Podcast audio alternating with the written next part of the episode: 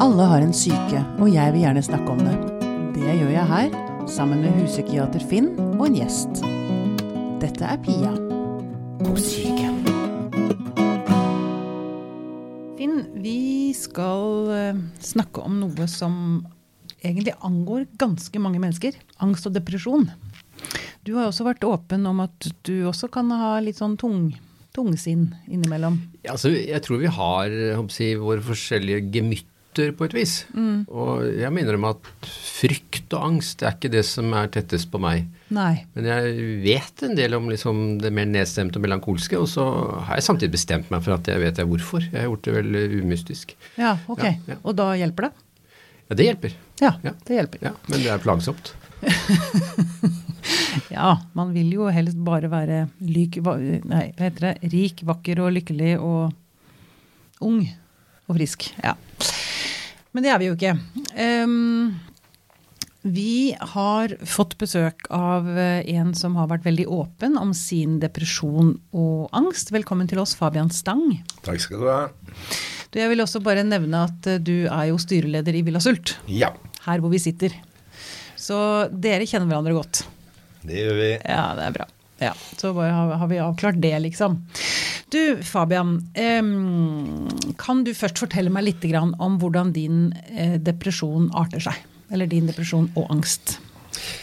Nei, jeg, tror jeg vil begynne med å si at det, det som rammet meg mest, kanskje, var eh, det stigma eh, som, som, var rundt eh, Eh, psykiske sykdommer så sent som for 30 år siden. Mm. Det var liksom ikke snakk om å kunne være åpen og fortelle hva man slet med. Mm. Det var uh, veldig stilig på skolen å brekke beinet og ha, ha, gips og få signaturer fra alle sammen. Men, mm. uh, men det å ture å si at man slet psykisk, det var, det var ikke snakk om. Og da, da, ble det for meg på en måte en, en sånn dobbeltdiagnose. Både å slite psykisk og slite med å ikke kunne være åpen om, om hva man uh, slet med. Ja, Men du sleit med det allerede da? den gangen? Du, du begynte tidlig, eller? Det er, vans det er vanskelig å, å, definere. Altså mm. grensen mellom det å det å være eh, litt lei seg og det å være sykelig deprimert, den, eh, den er ikke nødvendigvis så enkel. Men så, mm. så ble det for meg en, en, veldig tung depresjon. Sånn at det var ikke lenger mulig å skjule det. Det var Eh, det var en situasjon hvor var eh, det mange sier du må bare ta deg sammen. ja, det er alltid gøy. ja, så ta deg sammen-fasen var, eh, var, over, og jeg trengte, trengte hjelp for å, for å, komme ut av det igjen. Hvor gammel var du da, den, da det slo til sånn ordentlig for første gang? Skal vi se eh, La oss si jeg var 30 eller noe sånt. da. Mm. Eh, det begynte vel egentlig før det, når jeg skulle ta eksamener og sånt Og Det er jo det er ofte den type ting som, som utløser det. Og så, så, var jeg jo med på eh, det jeg kaller for vellykkethetens tyranni. Altså jeg skulle ha mm, stadig bedre bolig, finere bil, bedre jobb, eh, barn, vellykkede barn. Altså hele det der. Og så, så ble det mer enn jeg klarte å bære. og det det var kanskje en lykke at, eh, at, det smalt, i den forstand at da fikk jeg i hvert fall stoppet opp og, og ordnet litt opp i livet, og ikke mm. lot meg rive med på sånt så mm. mye lenger. Mm. Eh, men kan du si, jeg bare tenker på andre som det jeg tenker Pia og psyken hjelper mennesker med, da, ofte, eh, eller som jeg får tilbakemelding på, det er at man føler seg mindre alene ikke sant, når man hører på. Man skjønner at det er andre som opplever akkurat det samme. Ja. Hvis du skulle beskrive hvordan det er når du er på ditt aller mørkeste? Ja, det å, det å gå og lage seg en kopp kaffe, det er um, en uh, større kraftanstrengelse enn å gå på toppen av Himalaya. Ja for å si det sånn. Og, og, det er fint du sier det med at det er, er, bedre å vite tross alt at det er andre som også har det. fordi eh, for mitt vedkommende så, så fant jeg ut at jeg var nødt til å være åpen.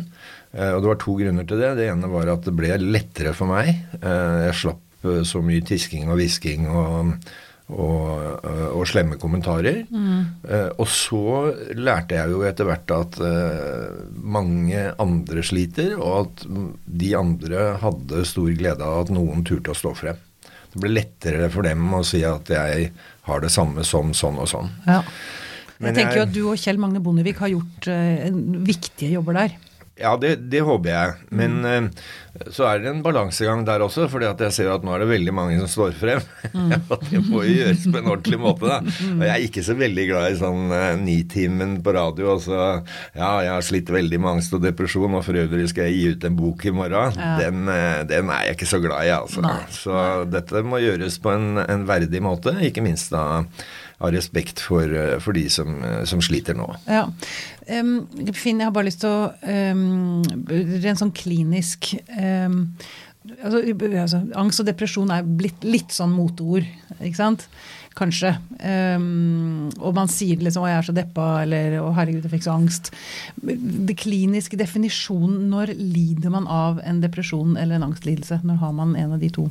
Altså en måte å definere, Hvis vi begynner med det depressive, så er jo en slags definisjon at når si, dine daglige funksjoner hemmes, altså at du ikke orker å komme deg på jobb eller skole, eller ditt liv er betydelig forringet, eller for den saks skyld livene rundt deg blir forringet av din atferd. Så det er selvfølgelig en flytende grense. Altså i en moderne psykiatri så liker vi nå kommer det to fine ord.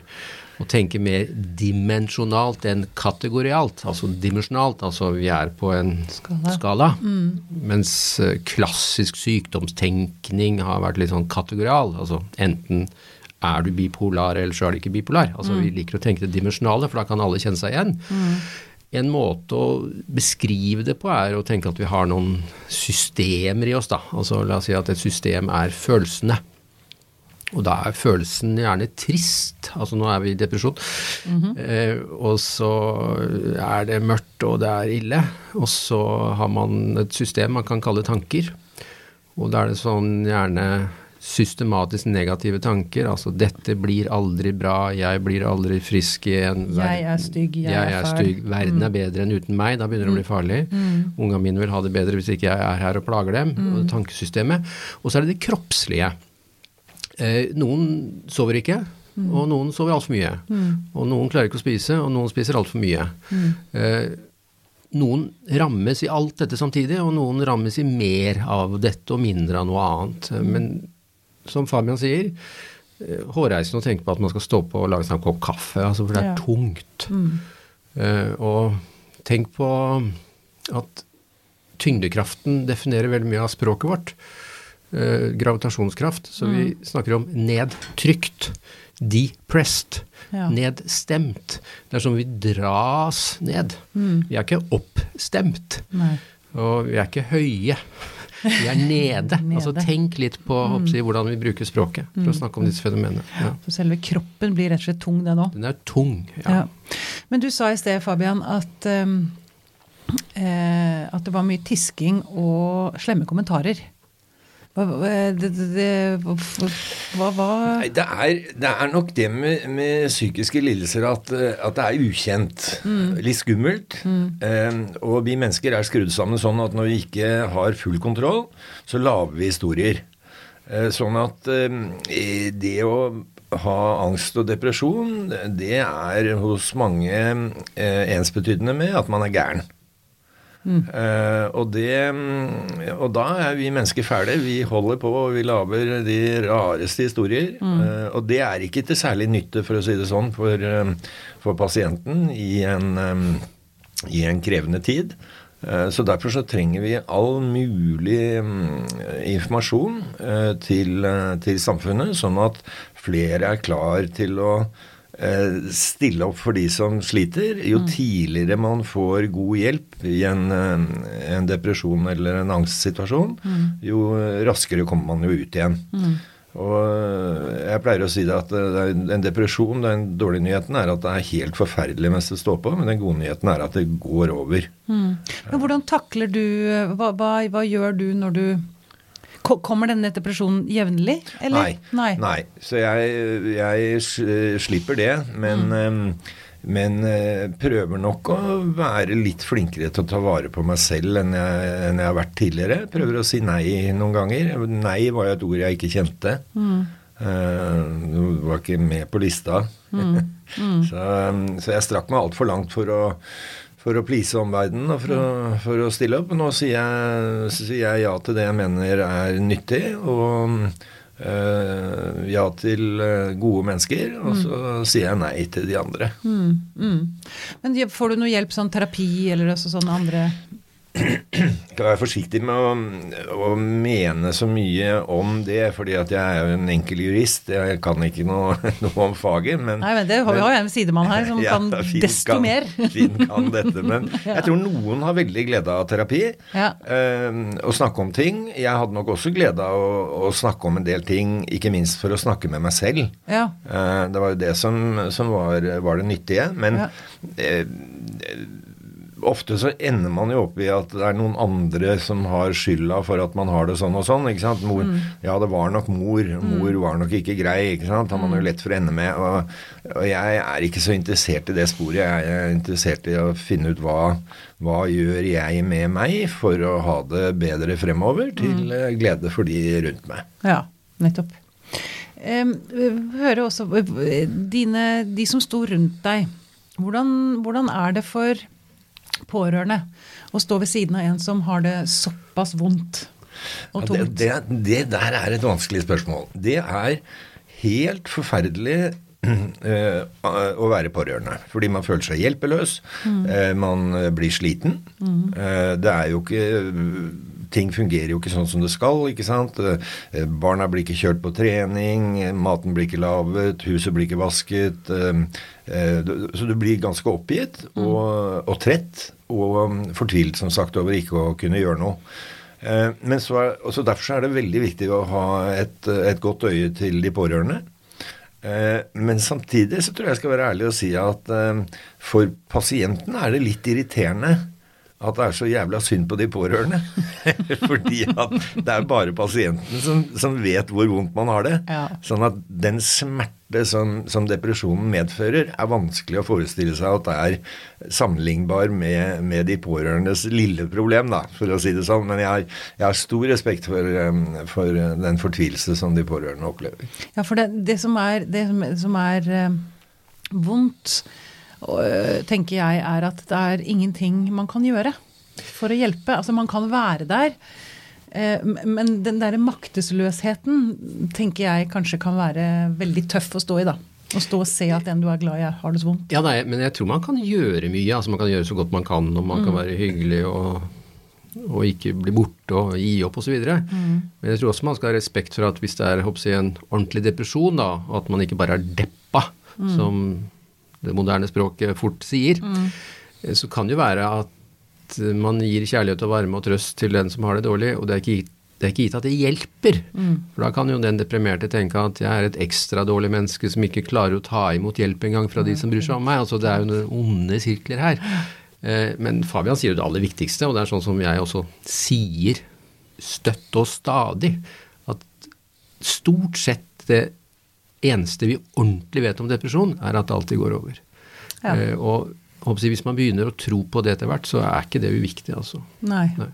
Og hvis man klarer å tenke det opp i hodet, selv om man ikke kjenner det. Nei, men altså, det er i hvert fall verdt å si det. det, er det. Bare, Mm. Men dette med Det er som Fabian sier, det er liksom sensitivt. Um, skal man ha skyldfølelse for at de andre har det dårlig, i tillegg til at man har det dårlig? Eh, akkurat nå har det vært en interessant eh, oppmerksomhet i Danmark eh, om en bok som er skrevet av en som heter Peter Øvig. Og Peter Øvig har skrevet masse dokumentarbøker. eh, Og som ung så var han engasjert i antipsykiatrien. Han var liksom mot psykiatrien. Og så skriver han en bok, bestemmer han seg etter at hans mor er død, om sin deprimerte mor, som var deprimert i meste av hans liv. 'Min mor var besatt', heter boken. Så begynte han å skrive om den, og da ble han så deprimert at han selv ble lagt inn. Eh, Men det er en veldig fin bok, eh, fordi da intervjuer han seg selv, og intervjuer søstera si, å hvordan det er å være i dette, være rundt dette. Og da beskriver han at både han og hans søster har behov for å ta litt avstand fra mor. Altså de må holde henne på avstand. Eh, men de får jo også veldig behov for å tilgi henne. Eh, for på en måte så gjorde hun så godt hun kunne. Ja. Så det er en veldig nyttig bok. Den, er veldig, den lager fine samtaler om den tematikken. Der er det at de introduserer et begrep som jeg ivrig grep. De sier at eh, vi ble forbyttet. Vi var barn, men så måtte vi være foreldre for eh, vår mor, som var som et barn. Ja. Eh, og dette er nyttige ting å snakke om, tenker jeg. Vi er noen titusener psykologiske byttinger i dette landet her. Mm. Og det er ålreit å sette navn på den type fenomener òg. Altså at Ja. roller mellom foreldre og barn snus fort på hodet. Ja, nettopp. Men jeg, har, jeg opplever altså, Depresjon og angst er litt sånne sekkebetegnelser. Eh, jeg har også tilbrakt en eh, mye av mitt liv nede i underverden sammen med trollene. Og jeg tenker Jeg har ikke lyst til å si, selv om jeg har vært nedstemt og deprimert, så jeg, for meg så har jeg hatt behov for å sette ordentlig ord på det, hva det er for noe. For meg så har det vært en ekstrem, er fortsatt, følelse av ensomhet og utenforskap. Som jeg tenker kommer fra ting som skjedde meg i barndommen. ikke sant? Dødsfall, mye flyttinger, foreldre som var opptatt med sin sorg og sånn. Eh, eh, forholder du deg sånn til det, Fabian? Du sa, du sa at du er ikke så opptatt av å legge skylden på noe. Jeg er heller ikke opptatt av å legge skylden, men jeg er opptatt av å jeg innbiller meg at jo mer lys man setter på disse trollene, jo større fare er det for at de sprekker. På en eller annen måte. Ja, men så, så er det jo også sånn at eh, det er viktig å komme seg ut av depresjonen og snakke med alle de andre der ute, og ikke bare snakke med trollene. Ja. Eh, Du må leve. Du må må Tenk å snakke med trollene, men se på dem. Ja. Har jeg tro på. Ja da. Ja, da. Jo da. på dem. Jeg, jeg, tror- jeg tror kanskje man lager seg litt sånn forskjellige teknikker. Jeg, så Mm. jeg har en sånn med, med at eh, jeg vet dere er der, jeg vet dere mm, prøver å ta meg, men, eh, men, men det er meg som er sjefen. Ja, Eh. Det bruker jeg ofte for, eh, for venner når jeg er sånn eh, hobbypsykiater. Eh, Så sier jeg det at eh, gå ut på tunet. Mm. Gjerne hvis du bor, eh, bor aleine eller er i skogen. Mm. Og så rop ut. Knytt, eh, knytt armene, nei, knytt hendene, strekk ut armene, og så rop 'Jeg er sjefen'. Dette, dette er mitt liv. Mm. Eh, Det kan man jo egentlig gjøre hjemme i stua òg. Ja da. Ja da. Det er kanskje ekstra virkningsfullt ute i skogen. Hvor, hvor trollene Anbefales. Har du også gjort det? Nei, jeg gjør ikke sånne ting. Men jeg er jo psykiater, så jeg må jo øh, Du kan ikke være gæren. Nei, jeg må være saklig og fornuftig og alt det der. Nei, men jeg, jeg liker jo selv øh, beskrivelsen. Ikke Mm. Altså, det er noe med liksom å prøve å være sjef i eget liv, da. Altså Ja. etter beste evne. Så, Ja, mm. nettopp. Em, Fabian, du snakket en del om altså Noe av det som pressa deg inn i depresjonen, var dette med sammenligningen. Eller, eller det at du sa stadig skulle prestere bedre, større bil. Ja. Jeg hørte her forleden at eh, en, som, en lykkeforsker som snakket om at de har funnet ut at gjennomgående så er sølvmedaljevinnere vesentlig mindre fornøyd med livet enn bronsemedaljevinnere. Fordi sølvmedaljen, der glapp gullet, mens bronsemedaljen Ah, jeg kom på pallen! Jeg syns det er et så kult bilde. Ja, ja, det er morsomt. Ja. Og, ja, for jeg tenker, Dette med sammenligning, det bruker vi så avsindig mye krefter på. Ja.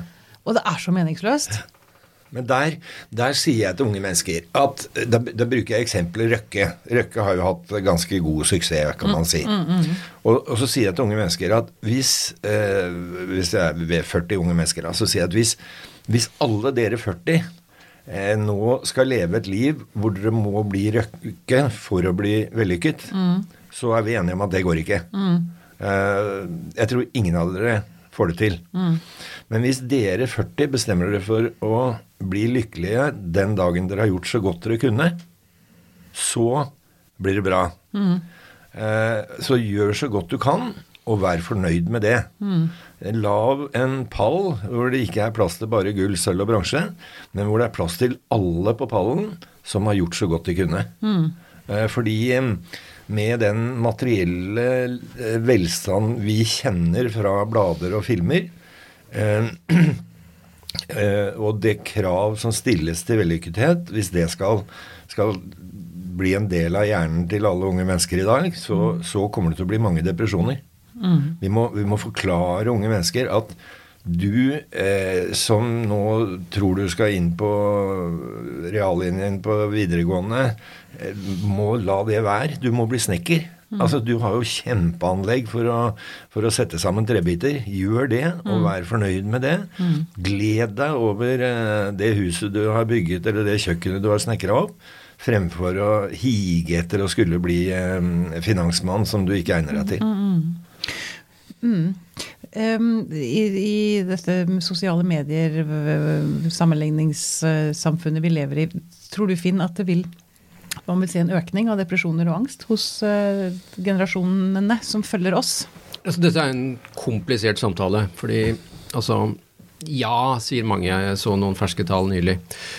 Eh, Jeg tenker jo si, i et litt sånn stort perspektiv at vi har en del problemer. Mm. Litt sånn frakoblingsproblemer. Altså Vi har en verden som går veldig fort rundt. Og dermed så er det ikke så lett å stå stille og ha tillit til at ting varer osv. Og sosiale medier blir et bilde på det. Altså du poster at du har et perfekt liv, samtidig som du vet at du ikke har det, men de andre tror på det selv om de vet at du ikke har det. Eh, Men vi skal også være forsiktige med å ha dette språket om at det er stadig økende psykisk uhelse, for at sier vi det ofte nok, så blir det sant.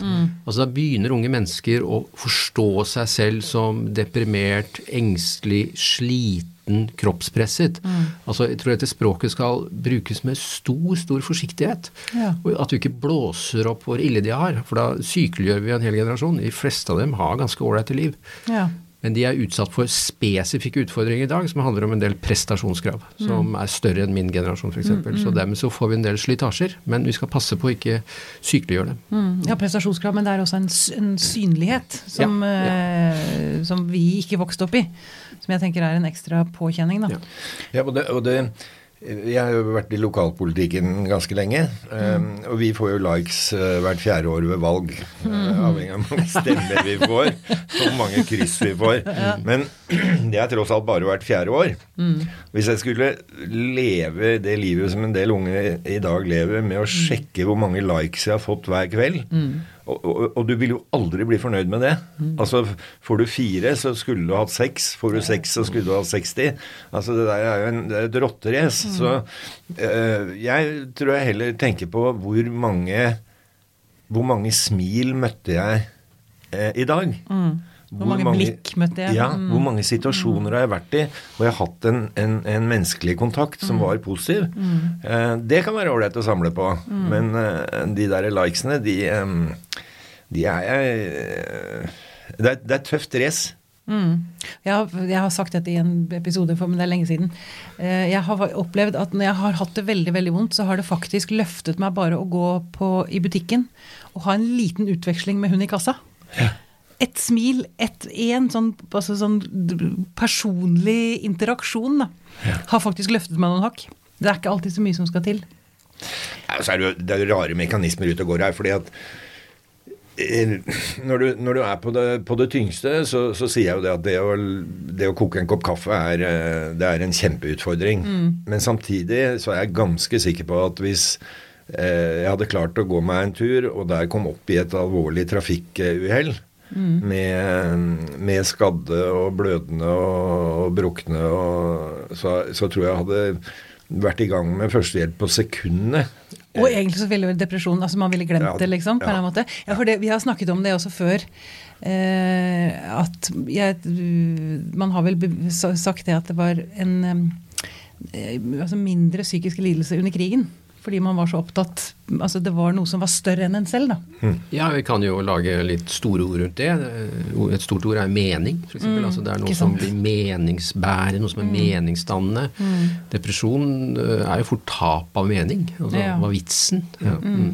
Utover at det ofte er en mørk smerte. Da. Ja, men det, og det bringer meg også over i noe som jeg altså, Fordi i dette med depresjon så eh, kan det ikke også være mer en sånn eksistensiell angst? Altså når du sier mening. For jeg kan innimellom tenke, uten at jeg er deprimert, liksom tenke tenker jeg hvis det er for mye rutine, at du går og gjør de samme tingene om en dag etter dag etter dag. etter dag. Og etter hvert som man blir eldre, så er det klart at det er, liksom, det er ikke så mye som har nyhetens interesse lenger.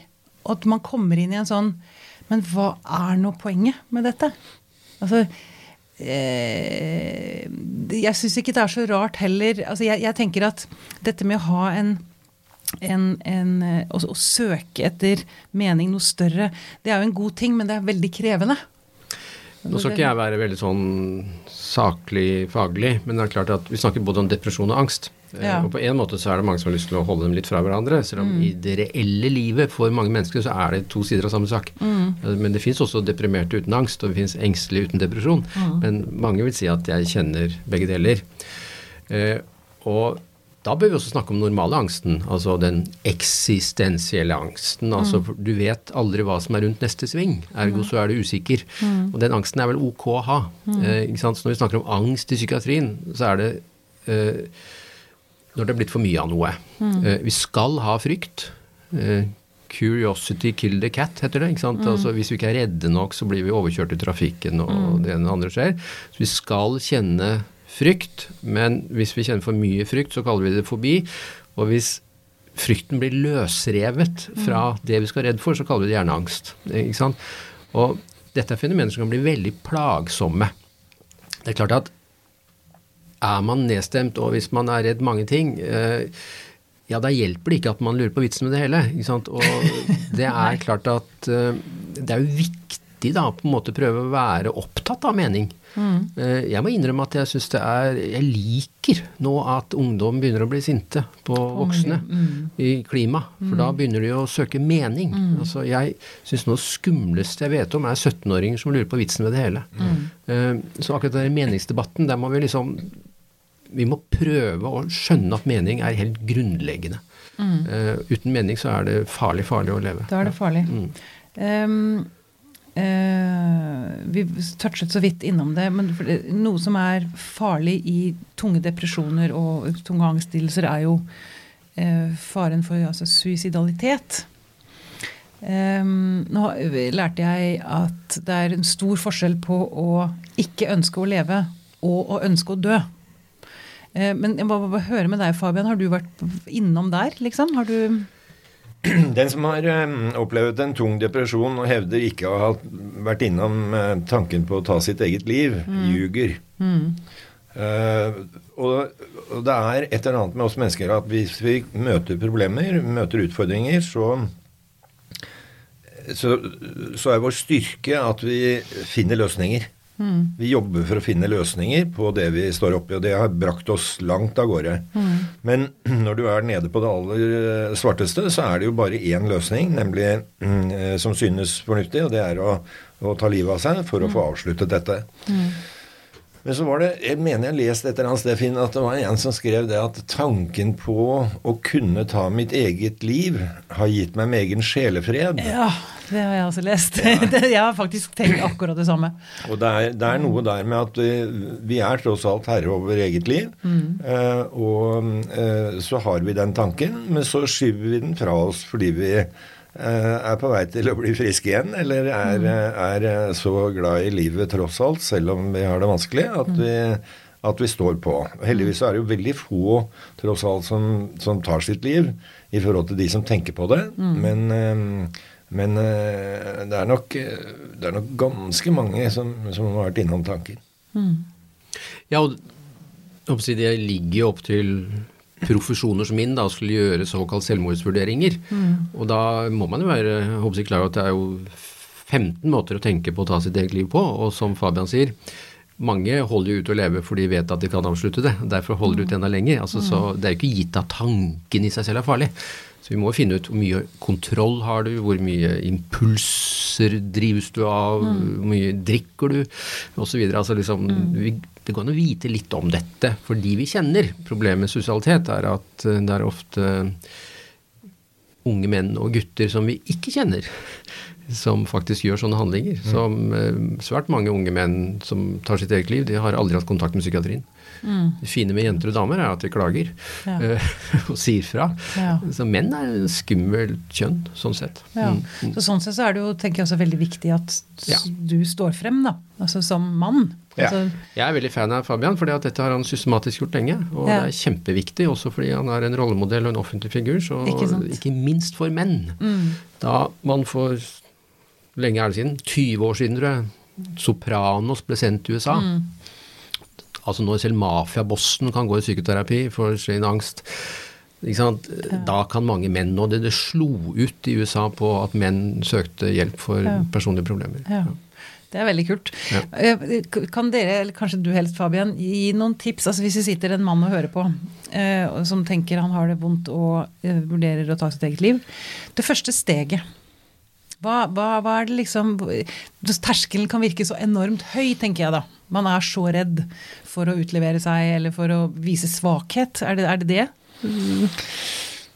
Det, det er nok, eh, dette oppleves nok veldig forskjellig, og det er veldig mange forskjellige grader. Men det, det jeg gjorde, var at eh, jeg skrev opp på en lapp eh, at jeg hadde to skjønne gutter. Ja. eh, to sønner, eh, og hadde alltid den lappen i lomma. Eh, for det var for meg et, eh, et håndfast bevis på at uh, det å gi opp var en dårligere idé enn å, Ja. enn å følge, følge med videre i livet.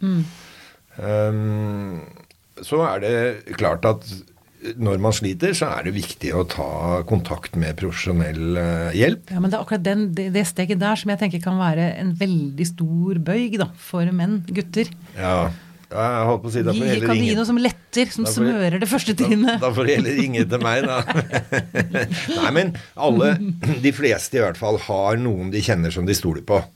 Og da syns jeg at vi menn også må kunne, kunne snakke om det til én venn. Jeg tror den vennen vil være veldig stolt av og, og ha fått eh, det ærefulle oppdraget å være, være den som, som får beskjeden. Um, og bare det å snakke med noen, det kan, kan lette, lette på trykket. Eh, og så, så må vi være ærlige og si at når man er i en tung depresjon, så, så ser man det ikke klart selv. Og da må man ha hjelp av noen der utenfor som, som, eh, som har de riktige reglene. Det finnes fagmiljøer som vil ha det til at depresjon og angst og andre lidelser, sånn som min bipolaritet, er hjernesykdommer. Og da kjenner jeg at jeg blir litt provosert. Fordi jeg, eh, jeg vet ikke helt hva det er som provoserer meg sånn, men det er som om mennesket da blir redusert til en maskin. For jeg tenker, så, så, Lidelser som dette, det er jo mye mer enn bare kjemiske ting i hjernen. Det har jo noe med sjelen å gjøre òg. Ja, altså jeg blir ikke så provosert lenger, holdt jeg på å si. Ah, nei, okay. Nei, Fordi nei. jeg tror at folk Dels er kanskje folk litt uenige, men dels så bruker de språk på litt forskjellig vis. For klart at liksom alt vi gjør er innom hjernen, og det er noe kjemi som flytter på seg, og det er noen strøm som går der. Mm. Men det er klart at en del av den kjemien som eh, flyter der oppe, kan jo handle om det forrige møtet du hadde, altså det sosiale. Altså det fins jo ikke noe menneskelig som ikke både er kropp og sinn. Så enkelt er det. Men det er klart at noen fagmiljøer vektlegger eh, oppsi, transmittorsubstanser og er opptatt av de og de hjernekjerner, mens vi andre kanskje er mer opptatt av smil og tillit og trygghet og forutsigbarhet. Egentlig burde vi klare å snakke sammen. Altså, det er ikke bare en hjernelidelse. Eh, det kan jo være at eh, noen har effekt av eh, antidepressiva, andre ikke har det. Mm.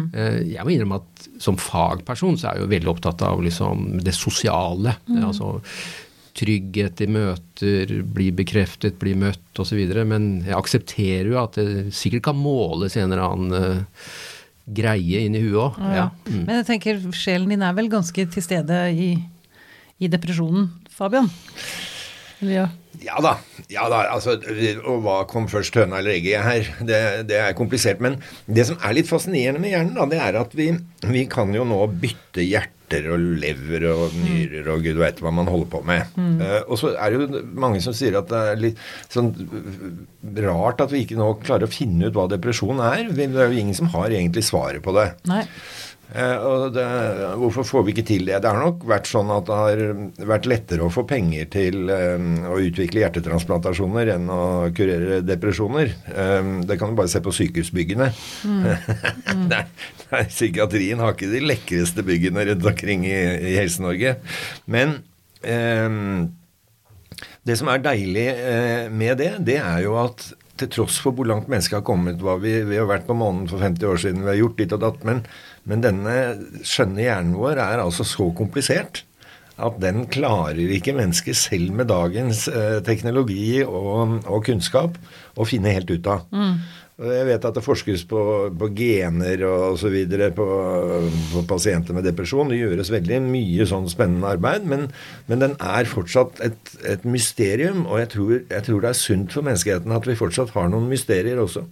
Jeg vil enig i det, samtidig som jeg skal slenge meg litt på Pias si, at det blir fort en slags reduksjon å begynne å snakke mye om hjerne. Mm. Fordi at uh, det har vært stor interesse for hjerneforskning de siste 30 år.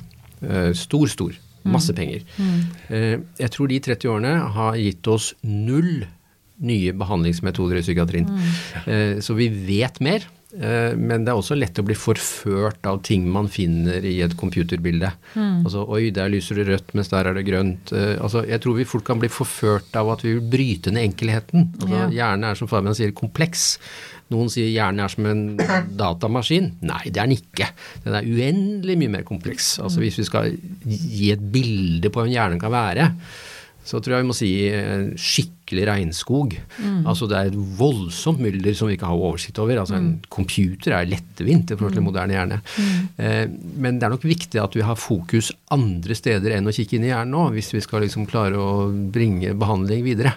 Ja. Fordi at eh, det er lett å fortape seg i at man fant en ubalanse her og en kjerne der. Ja, det er det. Så det sosiale må vi liksom virkelig gjenopplive. Ja, ja. Det er første gang jeg så, eller første gang jeg forholdt meg til 'Skrik' av Munch, så tenkte jeg at å, det er utrolig gjenkjenning. Og det, det ga meg en ro, igjen den der opplevelsen av at det er faktisk andre som har vært toucha borti disse følelsene. Da følte jeg meg ikke så alene lenger. Eh, ja. Hvordan, hvordan eh, har det vært for deg, Fabian, å stå frem med dette sånn i offentligheten? Ja, altså, Hva var alternativet? Jeg, eh, jeg levet jo med en mor som var, var skuespiller og forholdsvis kjent, så jeg var jo vant til at det ble snakket om både henne og meg uten at vi nødvendigvis ville det. Jeg var på fest en gang hvor det var to rom, og jeg kjente bare vertinnen og jente i det andre rommet, og der spurte de om jeg kjente han Fabian Stang. Og da sa jeg at ja, jo, på en måte. Ja, han, han visste de mye om. Han var en tulling, altså. en Skikkelig idiot. Ja, jeg bodde nede med mora si nedi der og bla, bla, bla. bla. Så etter det så bestemte jeg meg egentlig for at jeg ikke skulle bry meg om hva folk sa hvis de ikke sa det direkte til meg. Og så tror jeg nok at eh, det at det var, eh, var åpen, kanskje gjorde det litt lettere for familien, sånn at de eh, kunne få lov til å snakke med folk om andre ting også. Ja, nettopp. Men fikk du liksom gode tilbakemeldinger fra, fra omverdenen? Men, Ja, problemet når man er deprimert, er jo at det kan godt hende man får gode tilbakemeldinger, men det merker man jo ikke så mye til. Men, eh, men etterpå så har jeg jo fått eh, uendelig mange som har, eh, har takket for at det blir lettere for dem når andre tør å være åpen. Så vi får håpe det har vært til nytte for noen. ja. Jeg er ganske sikker på, eller ikke ganske, jeg er helt sikker på, det har vært til hjelp for meg. Det er veldig bra. Er det, er det andre ting dere tenker vi må løfte frem i dette depresjon- og angstfeltet?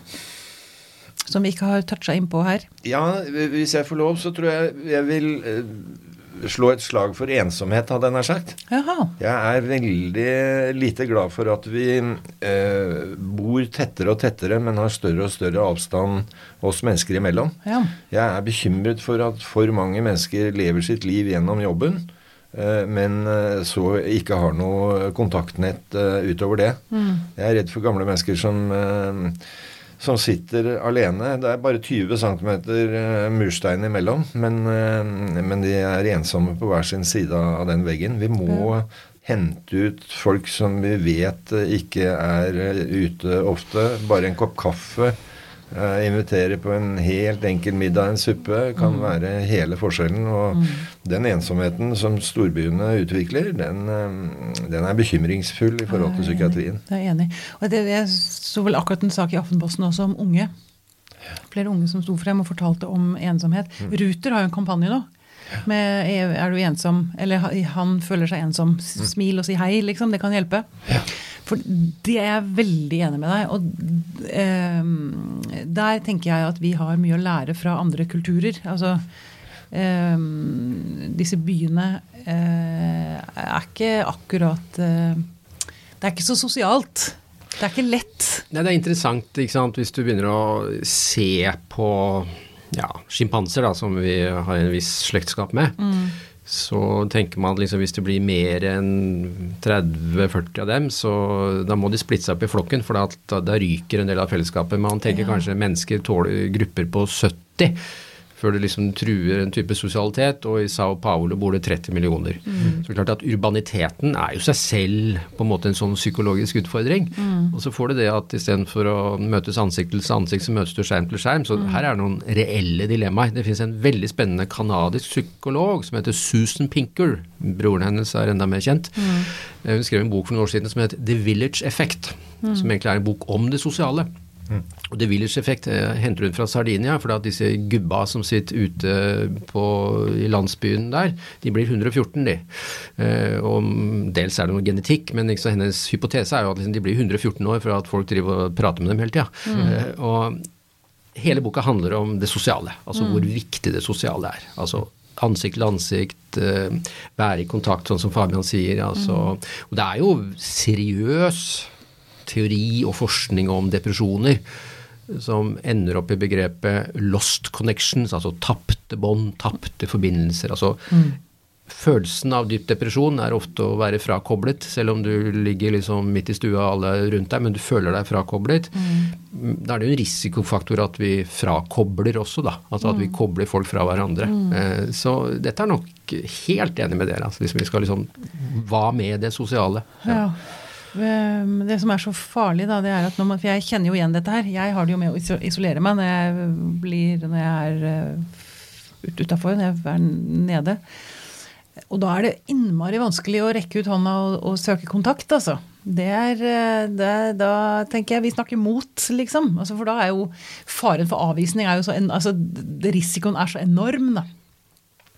Men, uh, Ja, men når du er nede, så kan jo noen andre rekke ut hånda, da. Det, Jo. det er ikke nødvendigvis deg som Jo, gjør det, det da. nei, det har jeg for seg enig men det er ikke sikkert alle noen ser det. Neida, ikke sant? Det er jo, man har det jo med å isolere seg når man er utafor.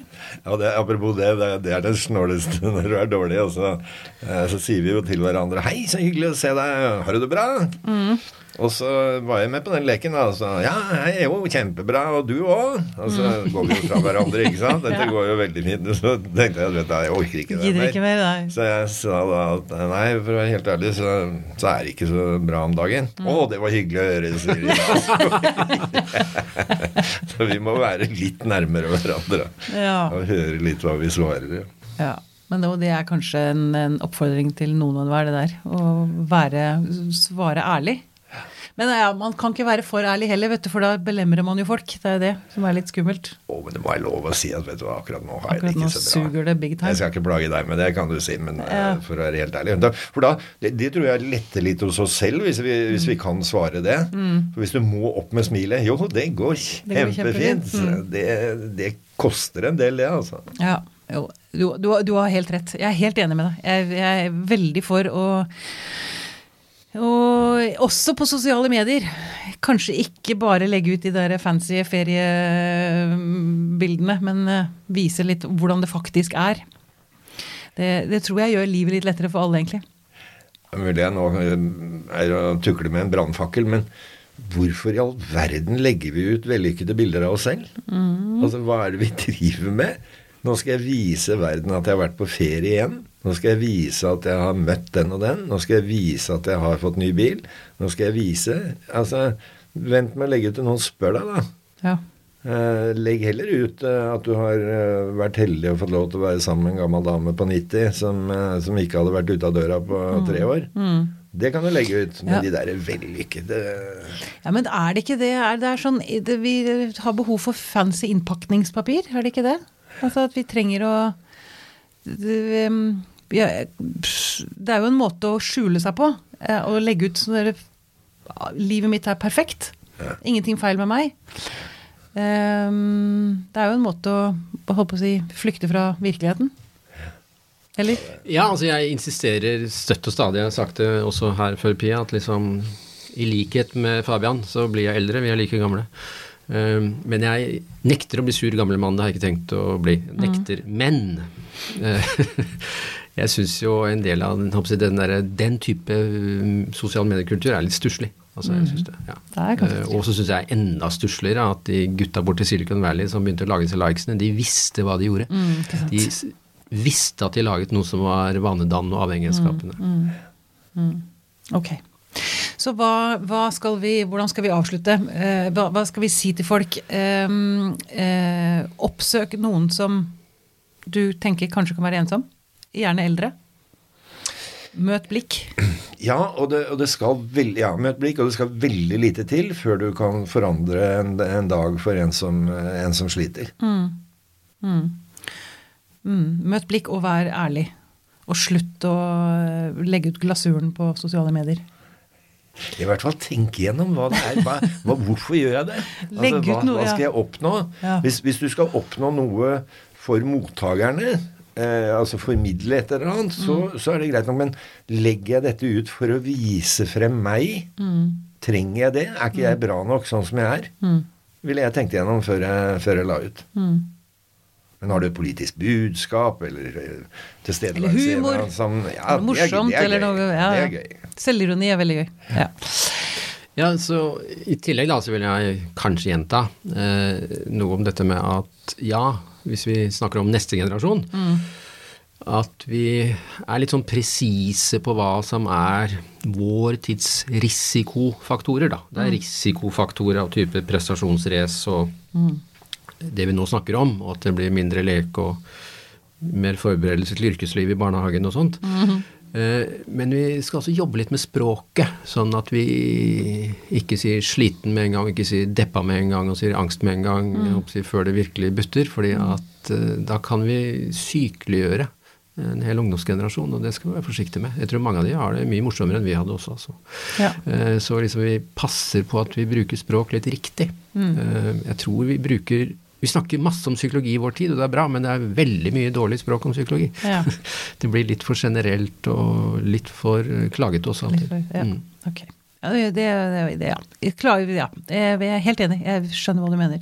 Jeg har en, en ting som jeg syns er um, eh, Vi har hatt en snorkende hund i studio her nå. Det er, en, det er livsbejaende. Det er eh, pos positiv. Det, er, det gir gode følelser. Rosa har ligget her og snorket litt. Jeg, Jeg tror også at de, kanskje med litt hjelp av ungdommen og Greta Thunberg, og at det regner når man ikke hadde tenkt at skulle gjøre det, Mm. at eh, vi begynner å åpne oss litt mer for si, helende krefter i natur, f.eks. Og Ja, det det er er å gå tur i skogen, eller det er å komme seg ut for den saks skyld av behandlerkontorene, eller ta med psykologen din opp på Sognsvann. Mm. Ja. Eh, men selvfølgelig dyr. Hund. det er ganske mye ugjort, tenker jeg. At Ja. Når det gjelder å være sammen med dyr, om det er på aldershjemmene eller psykiatriske avdelinger eller hvor som helst. Altså. Mm. Ja. Eller i fengslene. Ja. Ja, ikke sant. For naturen. Mm. Veldig bra. Fabian, er det noe du har lyst til å si? Sånn, eh, noen siste bevingede ord? Ja, jeg må jo ta et lite oppgjør med det Finn sa om at dagens unge har det så mye morsommere enn vi hadde. Nei, det unner jeg dem hvis de har det. Jeg håper de har meningsfylte liv. Men jeg tenkte plutselig på at eh, hadde det noe ganske morsomt, vi òg, da. Og jeg er veldig glad for at mye av det ikke ble lagt ut på Instagram. Ja. Mm. ja, det skal bli spennende å se hva fremtidens politikere må slite med av eh, bilder som ligger ute på sosiale medier. Ja. Fint. Supert. Tusen takk for at du kom til oss, Fabian Stang. Veldig hyggelig.